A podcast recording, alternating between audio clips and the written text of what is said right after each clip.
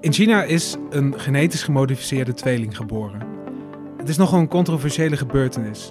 En vandaar dat de verantwoordelijke wetenschapper He Yingui ontzettend veel kritiek over zich heen heeft gekregen.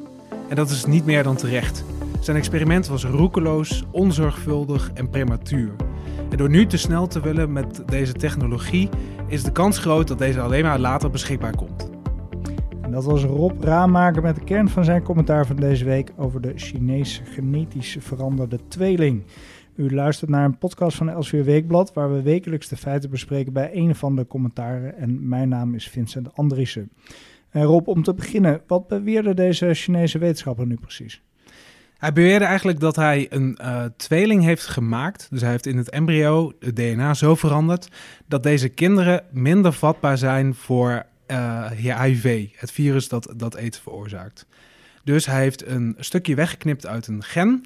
En daardoor wordt het voor het virus onmogelijk om uh, cellen binnen te dringen. En op die manier zouden die kinderen dus beschermd zijn tegen uh, de ziekte. En dat is in dit geval relevant omdat de wetenschapper een stellen heeft gekozen waarvan de vader besmet is met HIV en de moeder niet. Maar we weten niet helemaal zeker of hij de waarheid heeft gesproken, toch? Nee, dat, dat klopt. Um, uh, het is goed gebruik in de wetenschap om je uh, bevindingen te publiceren in een uh, wetenschappelijk tijdschrift. Dan worden ze vooraf gecheckt door collega's. En iedereen die dat wil, het publiek, maar zeker je vakgenoten, kunnen dat lezen. En hij heeft daar niet voor gekozen. Hij heeft het op YouTube geslingerd. En dat is ehm, doorgaans geen goed teken, want niemand heeft er naar kunnen kijken. en hij houdt zich dus niet, niet aan de spelregels. Nou, is er wel ook bewijs dat, dat, dat hij de waarheid spreekt. Hij heeft inmiddels gesproken op een congres in Hongkong. En daar heeft hij toch wel een hoop uh, details getoond. Niet echt de smoking gun, het harde bewijs.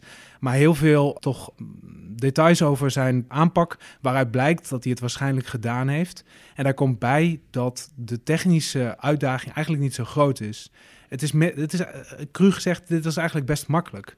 En dat is ook meteen de eye-opener hiervan ethisch is het ontzettend moeilijk terrein, maar technisch was dit uh, te doen. Hij, dit is heel plausibel dat hij dit gedaan heeft. Oké, okay. want als we even kijken naar de technologie waar we het over hebben, wat, wat is daar precies allemaal mee mogelijk? Het gaat dus om de technologie CRISPR-Cas. Dat is een eiwit wat ooit ontdekt is in een bacterie. En wat je daar eigenlijk in het kort mee kan doen, is knippen. Knippen in DNA, ons erfelijk materiaal. En je kunt dat, dat schaartje uh, met een aanwijzing op pad sturen waar die moet knippen. En daardoor wordt het ontzettend makkelijk om te knippen waar jij dat wil. En dat was vroeger ontzettend moeilijk, heel duur, tijdrovend. Alleen voor sommige laboratoria was dat mogelijk.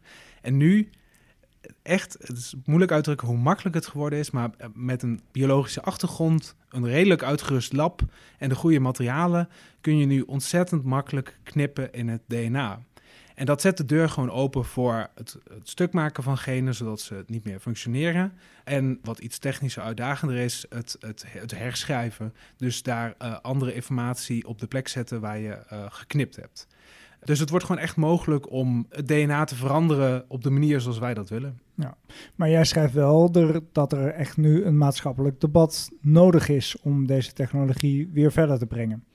Ja, het interessante van uh, wat uh, heeft gedaan, is dat hij een heel embryo veranderd heeft. Dus in die mensen is uh, in elke cel, of in ieder geval een groot deel van de cellen, is die verandering aangebracht.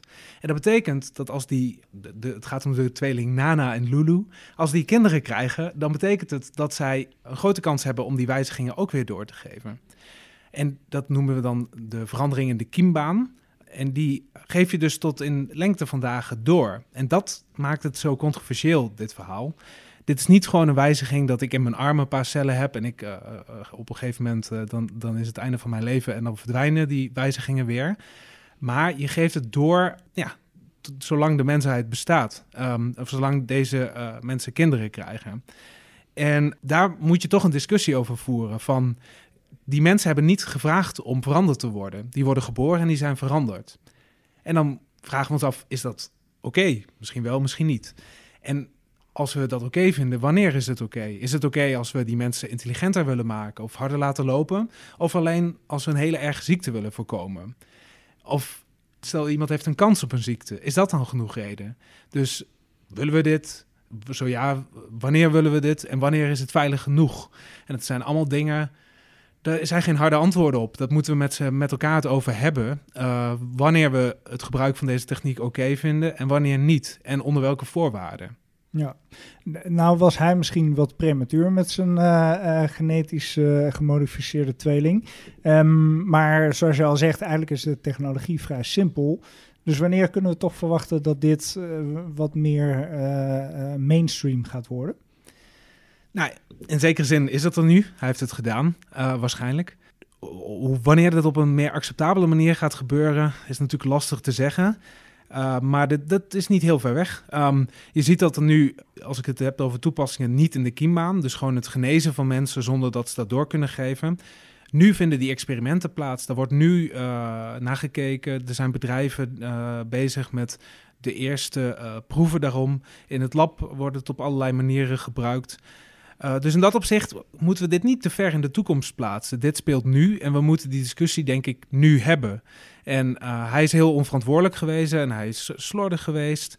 Um, maar hij heeft het nu wel op scherp gezet en hij heeft heel duidelijk laten zien: dit is niet iets over 10, 20 jaar. Dit kan heel vlot. Dus nu is het tijd om erover te hebben onder welke voorwaarden staan we dit toe en wanneer.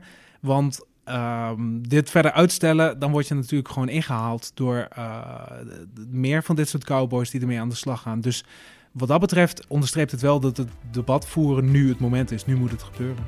Hartstikke goed. Uh, dankjewel uh, voor jouw toelichting, Rob. Jij blijft de ontwikkelingen natuurlijk op dit vlak voor ons volgen.